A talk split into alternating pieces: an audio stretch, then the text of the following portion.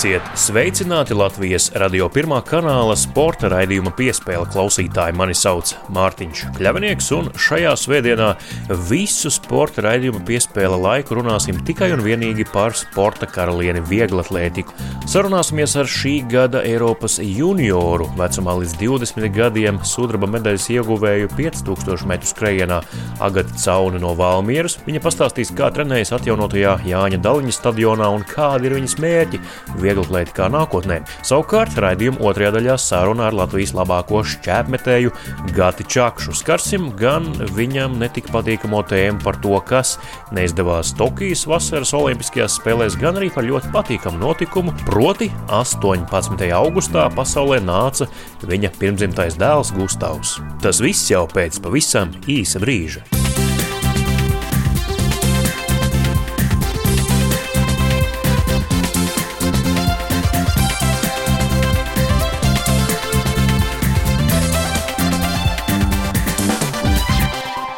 Latvijas radio pirmā kanāla sporta raidījums piespēle studijā Mārtiņš Kļavinieks, un viss šis sporta raidījums piespēle veltīts tikai un vienīgi sporta karalienei vieglatlētikai. Raidījuma otrajā daļā saruna ar Latvijas labāko šķēpmetēju Gati Čakšu, bet pirms tam saruna ar kādu citu labāko. Šķiet, nu, labākā jauniete, gargabalniece, tā viņu var dēvēt vieglatlētikas aprindās, un ne tikai Agata Cauna ir man šodienas sarunas viešņa. Sveika, Agata! Sveiki! Kā tu pats sev dēvētu? Ar garo distanču skrējēju vai kā citādāk pats sev nosaukt? Intervijās es parasti sev piesaku kā jaunieti no Valmieras, kas mīl savu hobiju skriešanas, garās distances, un to dara ar prieku. Nu, Valmiera jau uh, izslavēta ar vieglu atlētiku. Jānis Daliņš, sāksim jau ar viņu ar 1930. Uh, gadiem, un tad, uh, protams, laika gaitā neviens vien arī mm, vēl ir bijis, un Daliņa stadions gal galā jums nesen atklāts. Ko tu kā vieglu atlēti domā par jauno stadionu? Tu arī biji viena no uzaicinātajiem vieglu atlētiem, nu, teiksim tā, iemēģināt jauno infrastruktūru. Kā tev patīk? Jāņa Daliņa stadions tiešām ir ļoti labā kvalitātē. Pirmo reizi, kad ierados Valmierā Jāņa Daliņa stadionā, man likās, ka atrodos citā valstī. Jo viss tik skaists un smūgs un kvalitatīvs, tiešām sagums ir ļoti labs. Liels prieks, ka ir manā pilsētā, kurā es dzīvoju un trenējos, Valmērā šis stadions, ka man ir iespēja viņu izmantot un mm. trenēties, lai varētu sasniegt augstus rezultātus. Zini, kā saka, jau jā, nu, ārpus jau tas papīrīts var būt skaists, bet varbūt tā konfekta iekšā nemaz nav tik garšīga. Tu tātad arī izmēģināji, un sagums tik tiešām ir labs un arī pateicīgs, kā es nepiedzenu un viss kārtībā. Ja?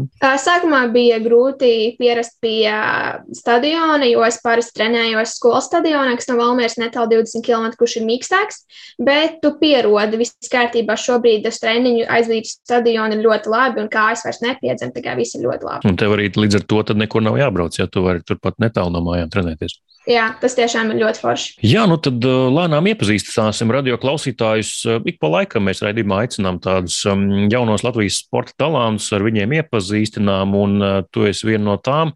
Skaidrs, ka šī vasara droši vien daudziem lika par tavu uzvārdu mm, uzzināt tiem, kas ne tikai par taviem sasniegumiem līdz šim interesējās, bet arī plašākajai publikai. Līdz ar Eiropas čempionātu 20-gadīgo sportistu un jaunāku konkurencē, tātad tā saukto U20 un sudraba medaļu tur iegūto. Kā tu pati vispār sāki nodarboties ar vieglatlētiku, un vai skriešana jau uzreiz bija tas, kas tev iepatikās? Es kaut kur desmit gadu vecumā aizgāju uz vieglatlētiku veselību apstākļu dēļ, jo vajadzēja vienkārši sportot. Sākumā, kā jau viss, es darīju visu. Es gan lecu, skrēju, metu grūdu, jo mums vienkārši trenēja fizisko izturību. Nu, tas ir laika posms, kad bērnam tu vienkārši trenē fizisko sagatavotību. Un pēc kāda laika tev jau atrod to speciālo novirzi, nu, kam tu trenēsies un vairāk veltīsi laiku. Un tā priekš manis bija garās distances. Protams, viss sākumā jau neiet gludi, tev jābūt ļoti, ļoti liels darbs, jābūt pacietīgai, jāstrādā. Sāku es no apakšas, sāku kā rezultātos vienu no beigām, te jau uz vidu kāpu. Un tad vienu vasaru, tad, kad es mācījos 7. klasē, tad man bija 13, 14 gadi, es izcīnīju pirmo ziemas titulu 2000 metru skrējienā paliku trešā tūkstotī, tad tas tiešām bija pārsteigums gan man pašai, gan manam trenerim. Un tā jau aizsākās katru sezonu gatavojos cītīgi uz mačiem, un tagad, jā, tagad esmu sasniegusi vienu no lielajiem sapnīšiem vispār startēt Eiropas čempionātu un pat izcīnīt medaļu, ko es negaidīju. Tas tiešām bija liels panākums, un esmu pacelātā sajūtā par to, ko esmu izdarījusi. Startēt pie vecākiem konkurentiem, turklāt vēl šādā konkurencē būt vienai no labākajām, tas tomēr pierāda tavu potenciālu potenciālu augt nākotnē. Jā.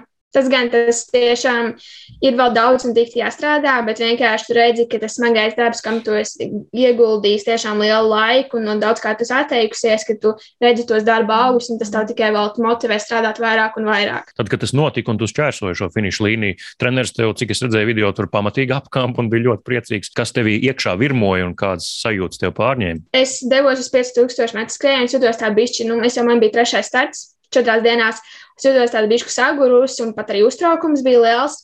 Devos uz starta līnijas, un skrējiens tiešām labi padevās. Mēs ar kādu treneru bijām vienojušies, sākšu mierīgāk nekā 3000, sākšu no beigām, tad pakāpeniski pieaudzēšu tempu, lai katrs kilometrs ir ātrāks un ātrāks. Un tiešām skrējiena laika skrējiens vispār bija ļoti labs, nebija grūts.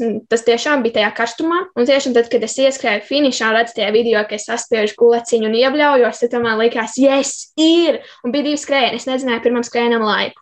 Es ieskrēju finišā un es skrienu pie valsts izlases pārstāvja, un viņš man dod karogu. Un es tādu tiešām man ir otrā vieta. Viņš saka, jā, ņem karogu, liec virsū sev, un es nespēju tam nocelt. It kā es dzirdēju, ka tur komentētājs saka, otrā vieta ieskan finišā, bet nu, es nespēju to aptvert, ka tiešām es, nu, tad man bija vēl 16, un es varu dabūt otro vietu, un es skrienu pie treneru, un viņš man apkam saka, jā, tu esi, tu izdarīji mālēcis, un tad Un arī bija vecāki skatīties šo sacensības, un es skrienu pie viņiem, un tās sajūtas vienkārši neaprakstāmas. Tu redzi, tu tiešām tu to spēj, tu vari aizbraukt uz Eiropu un pārstāvēt godam savu valsts un izskriet ļoti labu rezultātu. Es tiešām necerēju, ka būs tāds rezultāts. Kā tev ir vispār ar tādu pārliecību par saviem spēkiem pirms sacensībām? Es dažus raidījumus iepriekš sarunājos ar jauno airētāju, Lainu Rumpi. Viņai arī medaļa savas vecuma kategorijas Eiropas čempionātā nesen padevās pasaules čempionātā 4. vietu, un treneris teica, nu viņa ir tāda, kur ir jāmudina un jāsaka, ka tu vari, jo viņa par tiem saviem spēkiem pārliecinās tikai šādā veidā izcīnot augstus rezultātus. Um, kā tev ir?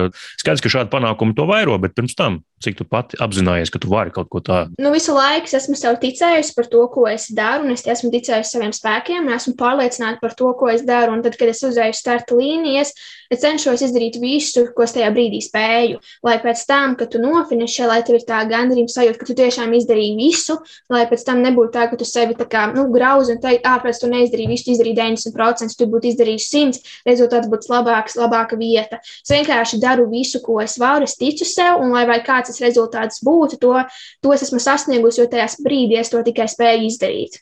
Un runājot par treneru atbalstu, jā, treneru atbalsts un ģimenes atbalsts ir ļoti labs un nepieciešams. Es esmu pateicīga par to, ka viņi man ir apkārt un spēj man palīdzēt un arī atbalstīt. Kā tu raksturotu savu ķermeņa komplektācijas vai varbūt pat iedzimtības dažādu īpašību piemērotību gariem gabaliem? Nu, teiksim tā, tavs ķermenis ir radīts garo gabalu skriešanai, tu to esi pielāgojis treniņu laikā tam, kā tu sevi raksturot? Nu, kā, kā arī man treneris saka, es neesmu sprinter un es neesmu lecēju, jo man nav iedzimts šīs sprinta īpašības. Un tāpēc uh, viņš ar mani esam aprunājuši un esam nospieduši to, ka es vairāk pāriešu uz garām distancēm, kas būtu respektīvi 50 tūkstoši, mm -hmm. jo man nav tā sprinta izturības. Jo redzot Eiropas čempionātu, pēc tam secinot, pēc tā varam redzēt, ka 3000 metros man pietrūka, teiksim, tā, tā ātruma izturība, lai pašās beigās varētu uzkāpināt bet toties 5000 metrus es pa distanci aizbēgu, man bija iespēja, es biju atrāvusies liels atrāviens, un tas, kas man bija pluss. Un 10 tūkstošniekā taču arī personīgais tev šovs ar krīt, vai ne? Personīgais un arī Latvijas rekords. Ar Latvijas rekords, mm -hmm, jaunietēm. Viegli lētika, droši vien kaut kādu brīdi tas, tā bija nodarbošanās meitenei agrīnos gados, kurā brīdī tas palika nopietni, kad tu saprati, ka tam jāpievēršas, kā sakot, stingrāk un ar to var kaut ko sasniegt.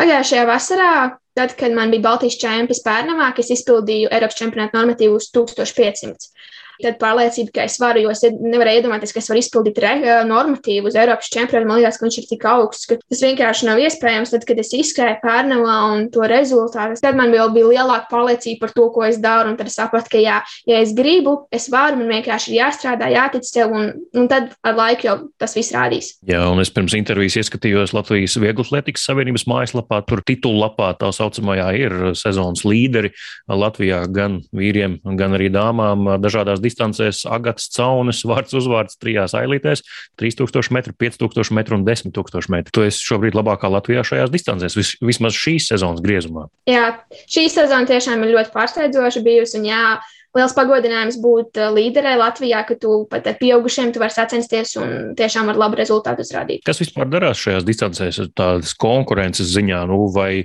vai tavā vecumā tev Latvijā ir pietiekami daudz spārīga partneru un sāncenšu, vai vispār ir pietiekami liela konkurence šajās distancēs? Nu, savā vecuma grupā tieši uz 3000 un 5000 diemžēl nav. Bet uh, 10 tūkstošos, nu, varbūt arī 5 tūkstošos pie, pie pieaugušiem ir viena skrēja, Karina Helmana Saračenko. Viņa arī varētu būt viena no tām, kas ir ļoti labi skrēja Latvijā, bet šo sezonu, cik sapratu, viņai bija trauma. Es gluži nu, nevaru teikt, ka nav konkurences, bet viņa nav tik liela. Varbūt kā jaunajai bokserei Beatrisei Rozentālei treniņos ar puišiem arī jāsacenšas, lai būtu kaut kāds vismaz līmenis. Treniņos, jā, es trenējos kopā ar uh, vīriešiem, nu ar puišiem, jo viņi tiešām man palīdz, kad mēs skrienam arī intervālus vai garās distances, viņi ir tie, kas man bieži nu, vēl kā ārā palīdz izskriet viņu, teiksim tā, tad tiešām ir liels prieks, ka viņi palīdz man, un mēs varam kopā trenēties, ka man ir ar ko sacensties. Kāda vispār ir tie tavi trenēšanās apstākļi līdz šim, kad Jāņa Daliņa stadions vēl nebija atjaunots, tev YouTube pieejams samontēts video, kāds labvēls to ir izdarījis, kā tu trenējies naktī ar lukturītu uz pieres un, un skrien pa koplietošanas ceļiem. Kāda ir tās tavas treniņa metodas, kā tu nonāci līdz šim brīnišķīgiem rezultātam, kāds tas bija šo sezonu? Nu, pirms tam, kad Jāņģelīs stadions tika pārbūvēts, mēs trenējāmies, teiksim, slimnīcas zālē, kas bija, nu, teiksim, 30 metri segums noklāts ar gumiju, lai mēs varētu kaut cik skriet. Bet man pārsvarā tie bija tikai fiziskie treniņi. Pārsvarā es biju vai nu pati trenējos ārā ar savu treneri, vai mēs braucām uz nometnēm Igaunijā un izmantojām viņu manēžu. Vai arī vasarās mēs braucām uz to netālu no Malmēs, tad 20 km ir skolas stadions, ko mēs izmantojam ļoti bieži. Uh, Un tad, kad atverās Jāņģelīna stadions, tad mēs, protams, izmantojam stadionu. Un man pašai ir iegādāts arī mājās skaitliņš, lai es redzētu ziemas apstākļos no rītiem pirms skolas paspēt izdarīt pirmo treniņu. Kas tad ir tie, kas tevi trenē un kam tev vispār jāsaka paldies par uh, to, kur tu jau šobrīd esi nonākusi? Nu, viennozīmīgi pats lielākais paldies manam ilgadējiem trenerim. Tas, tas tiešām Raitam Ravinskim man ir ļoti laba attiecības viņu, un tā sadarbība tiešām ir ļoti laba. Viņš, viņš meklē visādus labākos vingrinājumus veidus, kā es lai kļūtu stiprāk, spēcīgāk, ātrāk. Tas tiešām liels paldies viņam arī par lielisku atbalstu. Uh, Man ir otra trenera, fiziskās sagatavības trenere, un arī bieži, bieži vien atbalsta plecs. Un, protams, liels manai pilsētai un sporta skolai Valmieras, Valmieras novadam un Valmieras bērnu sporta skolai, kas man ir palīdz ar finansiālo atbalstu. Viņi man visu nodrošina. Un, protams, arī liels paldies maniem vecākiem, kas katru dienu man palīdz un ir kopā ar mani. Arī no rītiem, kad ir jāskrien, tad viņi man bieži vien brauc līdzi ar velosipēdu, lai būtu gaismiņa. Jo tad es skrienu ar gaismu spiežu, tad viņiem ir lukturīts, lai vienkārši skrien caur mežu, kad ir drošāk un es redzu, kur es skrienu. Un, protams, arī paldies manam metpersonalam, kas man ir apkārt, kas palīdz man. Tie cilvēki tiešām ir daudz man palīdzējuši un priecājos, ka es esmu atradusi īstos cilvēkus, ar kuriem es varu sadarboties, lai būtu labāka, spēcīgāka un stiprāka. Kāda ir tavi tuvākās nākotnes mērķi? Varbūt studijas Amerikas Savienotajās valstīs, eh, ko daudz šobrīd izvēlas. Eh, droši vien es par to domāju. Jā, man ir nākuši piedāvājumi, bet uh, par to es esmu sākusi domāt, bet es vēl neesmu neko izlēmusi. Man ir vēl laiks, es mācos tikai 11. klasē, man ir vairāk kā gads bišķīt. Amerika ir ļoti laba iespēja man kā jaunam sportistam tur būt, trenēties ar lieliskiem un labiem sportistiem apkārt un, protams, treneriem. Runājot par maniem sezonas mērķiem un par mērķiem vispār, es, protams, gribētu sagatavoties nākošais ziemas un vasaras sezonai pēc iespējas labāk un uzrādīt vēl augstvērtīgāks rezultāts. Ceru, ka tas man izdosies. Novēlam arī Latvijas radio vārdā, lai tas tik tiešām izdodas. Šovasar tu mūs priecēji, un tad jau paldies Agate Caune, viena no perspektīvākajām un talantīgākajām Latvijas jaunajām vieglatlētēm, garo distanču skrējēja. Nedaudz iepazinām viņu šajā sarunā. Paldies, Agate, par to, ka atsaucies šai sarunai. Uzreiz pēc uh, skolas, sola digitālā. Tā kā paldies arī par to, un lai veicas, lai veicas, izdodas un uz jauniem augstumiem, kā saka. Paldies!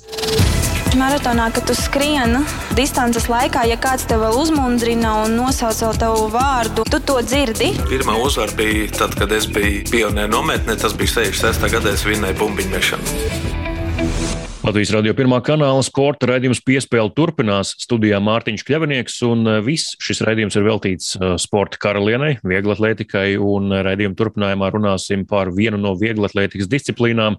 Latvijā ļoti tuva disciplīna, jo milzu panākumi gadu gaitā ir sakrāti, un daudz to ir tieši šķēpa mešanā, gan eh, dāmām, gan arī kungiem, protams, vēsturiski skatoties. Un viens no šķēpmešanas vidas pārstāvjiem ir arī, protams, šī brīža Latvijas Latvijas labākais čēpraids Gats Čakš, un ar viņu arī parunāsim raidījuma turpinājumā. Sveiks, Gats! Sveiki! Pastāst radio klausītājiem, kur tu šobrīd atrodies, jo, nu, cik var spriest no sociālās saziņas vietnēm, tad brīvdienas tādas, kad vispār neko nedara, ir beigušās un kaut ko jau es atsācis arī sportiski darīt. Bija mēnesis, man iedots uh, brīvs, gadā man ir 11 mēnešu treniņi, un viens mēnesis man ir uh, tāds atveltīts sportošanai saucamai, nevis uh, profesionālajiem sportam. Šonadēļ sākās jau pirmā treniņa nedēļa. Trenerim ļoti patika viss, kā notikās. Šodien esmu atbraucis pie sievas vecākiem, atpūsties nedaudz uz laukiem. Atpūta laukos ir viens, bet es pieļauju, ka viens no uzdevumiem ir atrādīt mazdēlu vai ne vecākiem.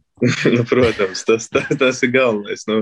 Parunāsim arī par to, kā tev šis eh, gads ir pagājis. Daudz eh, spilgtu notikumu, gan Olimpiskās spēles, gan kļuvi par tēvu. Tas viss notika augustā, gan tā Olimpiskā debija, gan eh, dēla piedzimšana. Vairāk nekā pirms gada mēs ap jūliju šķiet pagājušajā gadā sēdējām pie Latvijas Olimpiskās vienības durvīm un runājām ar tevi. Tad vēl sapņoja par olimpiādu, par normatīvu izpildi. Vairāk nekā gads ir pagājis. Kā kāds gads čakš ir šobrīd, kāds bija tas, kurš tur toreiz uz tā soliņa sēdēja un kāds šobrīd sarunājas ar Latvijas radio? Šis gads čakš tagad ir tāds apņēmības pilns vēl vairāk dēļ uh, sava jaundzimušā.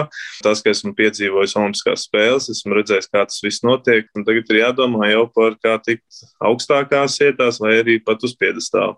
Šis gads bija tādā nedaudz līknē, netaisnā, jo bija gaidāms mazulis. Es to tā vēl neievēroju. Es visu trenējos, viss bija kā bija, varbūt bija kaut kādas izmaiņas. Bet tas aizņem eh, prātu, vai ne? Tas tomēr nodarbina prātu. Nē, mm. protams, tiešām nodarbina. Un, kad eh, braucot jau uz to tām Olimpiskajām spēlēm, es apzinājos jau, ka drīz varētu būt, ka jau dzims mazais.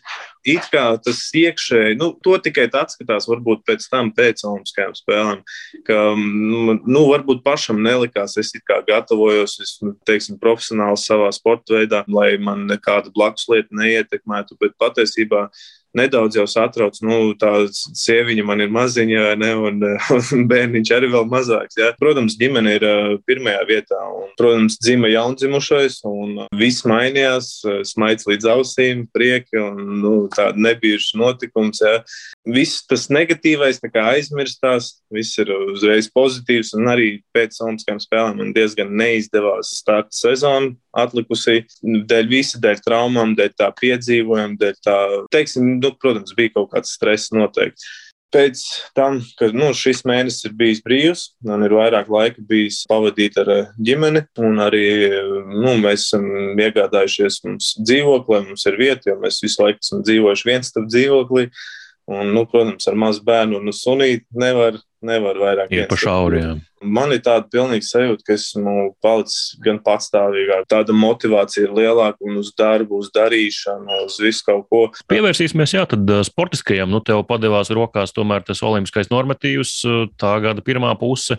Mm, labi gatavojies. Es laikam ļoti spilgt atceros īsi pirms olimpiādes devos uz talsu šķēpiem un parunāt gan ar Mārcis Šromideru, kā viņam tur sacensības, kā sakot, kārtējā gadā tiek Mm, rīkots un, un kas jauns, un uh, cerēju, ka ieraudzīs, ieraudzīšu arī tevi metēju pulkā, bet, diemžēl, tu tur nebija. Tad jau bija tās bažas par to, ka roka ir kaut kāda trauma un jāpasaudzē, tāpēc tu tur toreiz nebija.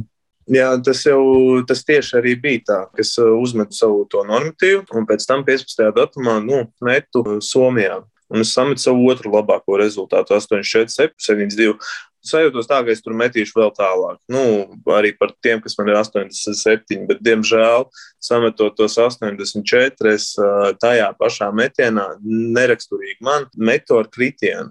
Un pilnīgi tā, ka es kritu un es atsitu alkoholu, taisnu roku noliku uz zemes, un tas viss trieciens pārgāja uz alkoholu. Adrenalīna sajūtā es īpaši tā kā, nu, es sapratu, ka kaut kas nav kārtībā. Nu, es mm. visu laiku tur kustināju roku. Man liekas, ka kaut kas tā kā lec ārā nu, no alkoņa. Tuvumā bija pasaules otrais numurs, Krukovskis. Un es uzreiz esmu turpat aizmugurē un gribās būt, protams, tam pirmajam. Turpināju mest un izmetu vēl atlikušos četrus metienus. Beidzās sacensības, un ne, ne es uzvarēju, ne es ko es paliku trešais. Ne par labu tas galīgi nenāca, ka es metu vēl tos atlikušos metienus. Un pēc sacensībām es vienkārši sapratu, ka man nenormāli rokas sāp. Nu, es viņu nevarēju iztaisnot. Sezona ir vēl tikai iesākusies, nu, ir jāmet, mm. ir jāmēģina analizēt treniņos, kas notiek.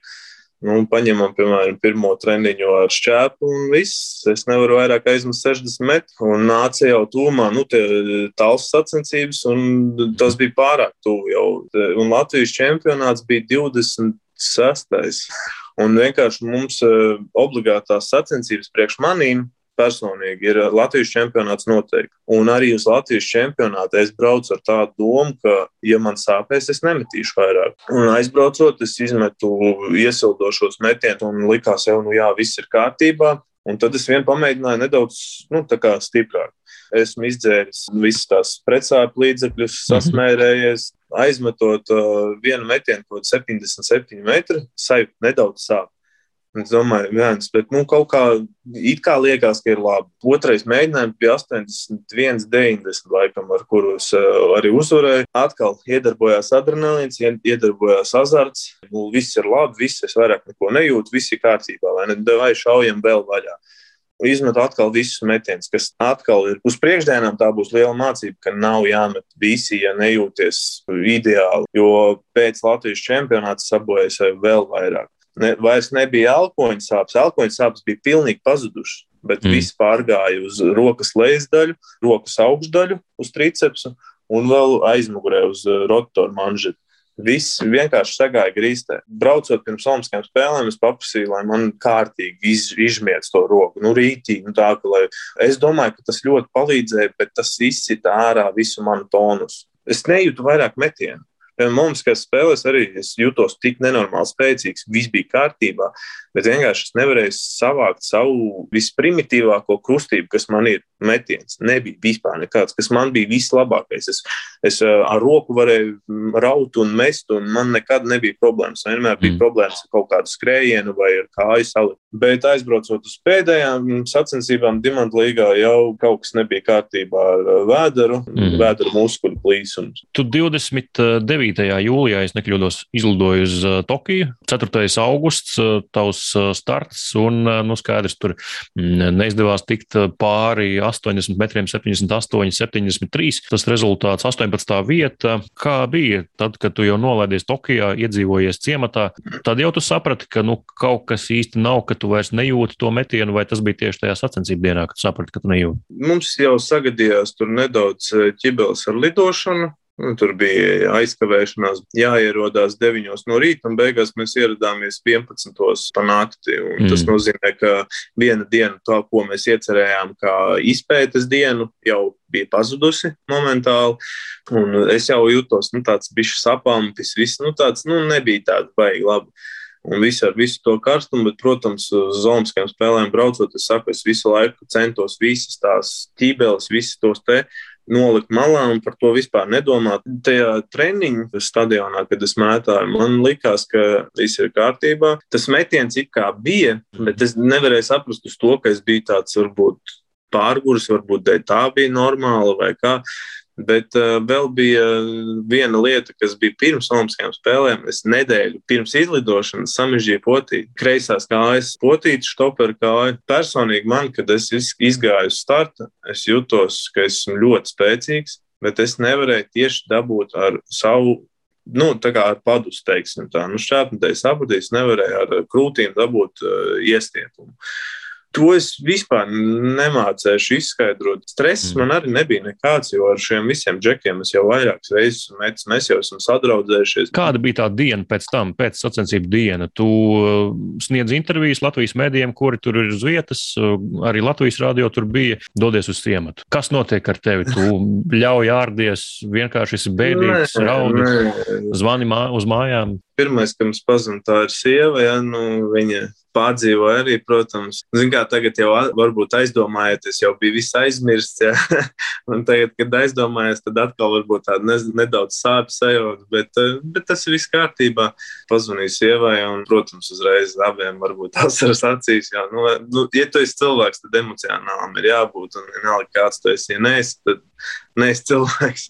Man personīgi nav nekādas ārdīšanās un tādas lietas. Es nevaru. Es vienkārši zinu, ka, ja tur bija kaut kāda vaina, tad principā vai nu esmu pats vainīgs, ja kāds cits bija vainīgs, vai kaut kāda laika apstākļa, vai vēl kaut ko, to es nevaru ietekmēt. Es ļoti gribēju mājā. Tā bija pirmā lieta, kad es beidzu startu. Es gribēju momentāli tā, ka iesaisties uzreiz, lidot mājās un teleportēties būtiski. Palīdz zem segas, apskaut sienu un paraudāt apmēram. Olimpiskās spēles beidzās ar šādām mielēm un netik patīkamām emocijām, bet uh, šeku reku paiet divas nedēļas un uh, emociju karusels pilnīgi pārvaļās uz pavisam pretējo pusi. Pasaulē nāk tavs pirmdzimtais dēls un, uh, un droši vien, ka tik īsā laikā piedzīvot divas tāda veida un tik atšķirīgas emocijas, tas arī ir tāds ļoti vienreizēji dzīves pieredze, vai ne? Gaidu mazo un mm. uh, man vēl ir sacensības. Es tieši pat nokavēju, es nevarēju, nu, es nebiju klāt. Es ļoti gribēju būt klāt, bet man bija jālido tieši projām uz sacensībām. Pirms lidmašīnas iesēšanās prasu sievai, kā viss ir, jo es viņu aizvedu no rīta uz slimnīcu. Pēc pāris stundām uh, viņai sākās dzemdības. Un man bija tā, ka es pirms izlidošanas es viņai prasu, kā ir visu pārējo. Viņa, viņa man atsūta ziņu, man nogāja ūdeni. Aiztieši mm -hmm. lidmašīnā sēž. Un es lidoju Es atbraucu, atlidoju atpakaļ, un pēc 20 minūtēm mums ir Gustavs pieci. Nu, dēliņš. Principā, tu iekāpi lidmašīnā, tu vēl nebija tēvs, izkāp no lidmašīnas, jau bija tēvs. tieši, tieši tā, kā tas arī sanāca. Viss uzreiz laimīgs, un tā ir pirmā reize, un, nu, es, protams, esmu laimīgs, ka esmu tēvs, vai ne, un manai sieviņai un bērnam ir viss kārtībā. Nu, kā, kā var nebūt laimīgam? Tā pirmā satikšanās ar dēlu, kāda tā bija? Es jau biju nopircis, ie, iebraucu veiklā, nopirku pirmo mantiņu nopirkt. Tas jau, jau tas emocijām jau bija pagājis pilnīgi tā, ka es jau skatos, kā es gribētu mantiņu, nopirku ziedus, nopirku dāvanu sievai un visu. Un, mhm. un aizbraucot uz slimnīcu, es vienkārši ieraugot, nu, tagad jau emocijas atkal uzreiz apakaļ. Ieraudzīju, nu, protams, sabruka asarās un apskauju sieviņu. Un, redzēja, cik maziņš trausliņš viņš ir. Jā, nu brīnišķīgi gati. Sveicam arī Latvijas radio vārdā, lai aug liels un brašs, lai ģimenē viss, viss izdodas un saticība veselība. Sarunas noslēgumā vēl par sportisko. Kā tas pakāpeniski ies augšā tajā kalnā līdz sezonas sākumam? Kāds ir tas plāns, kā tu gatavosies un nezinu, kā vispār ir ar infrastruktūras pieejamību? Tad daža laba manēža ir atvērusies pa šo laiku arī Latvijā. Vai tu varbūt arī plāno izmantot kādu jauno Latvijas infrastruktūru vai pagaidām vēl paliec un trenējies tur, kur tu iepriekš to darīji? Pagaidām palieku, kuras iepriekš trenējos, Mūrjāns par ģimnāziju, jo man tur reāli ļoti, ļoti patīk, un tur ir viss pilnīgi, kas ir vajadzīgs. Noteikti tagad apsvērām tādas idejas, ka pamēģināsim kaut ko arī varbūt izmēģināt aizbraukt uz kaut kādu nometni vai pamēģināt kaut kur kaut ko citu, lai ir nu, tādas bišķiņas nepierastas eh, vietas. Jo, lai gan mums ļoti, ļoti labi izdevušies šie divi gadi, piemēram, rezultātu ziņā un vispārējo, bet mēs esam pieraduši pie tādas vienkāršības. Piemēram, Mūrjāns par gimnāziju, paldies viņiem, ka man gan pagājušo, gan šogadu, ja ir grūtības ar covid un vispārējo, man dēļ tā, ka ir iespēja, ka izlases dalībnieki drīkst trenēties, ka mēs tur pie pašām mājām varam visu darīt un viss, viss ir kārtībā. Tas, Sākums ir domāts tā, ka šī nedēļa man bija tāds uh, ieskats, un uh, nākamās nedēļas jau būs tāds, ka es jau sākšu. Tagad bija vairāk tāda tā kā profesionālā tāda kačāšanās, tāda, nu, tāda ir noskaņa uz treniņiem, bet savādāk. Piemēram, tagad, nākamajās nedēļās jau būs tā, ka būs tā kā, tieši tās lietas, kas man ir vajadzīgas ar treneri kopā. Jo tagad mm. bija varbūt nedaudz arī, ka es pats visu daru. Pavasarī mums ir plānota nometne. Gats Čakšs, Latvijas labākais čēpmetējs, sarunā ar Latvijas radio sporta raidījumu piespēli. Paldies, Gati, par šo sarunu. Un lai šķēpi lido tālu, dēls aug liels un ģimenēs atticība. Paldies jums vēl!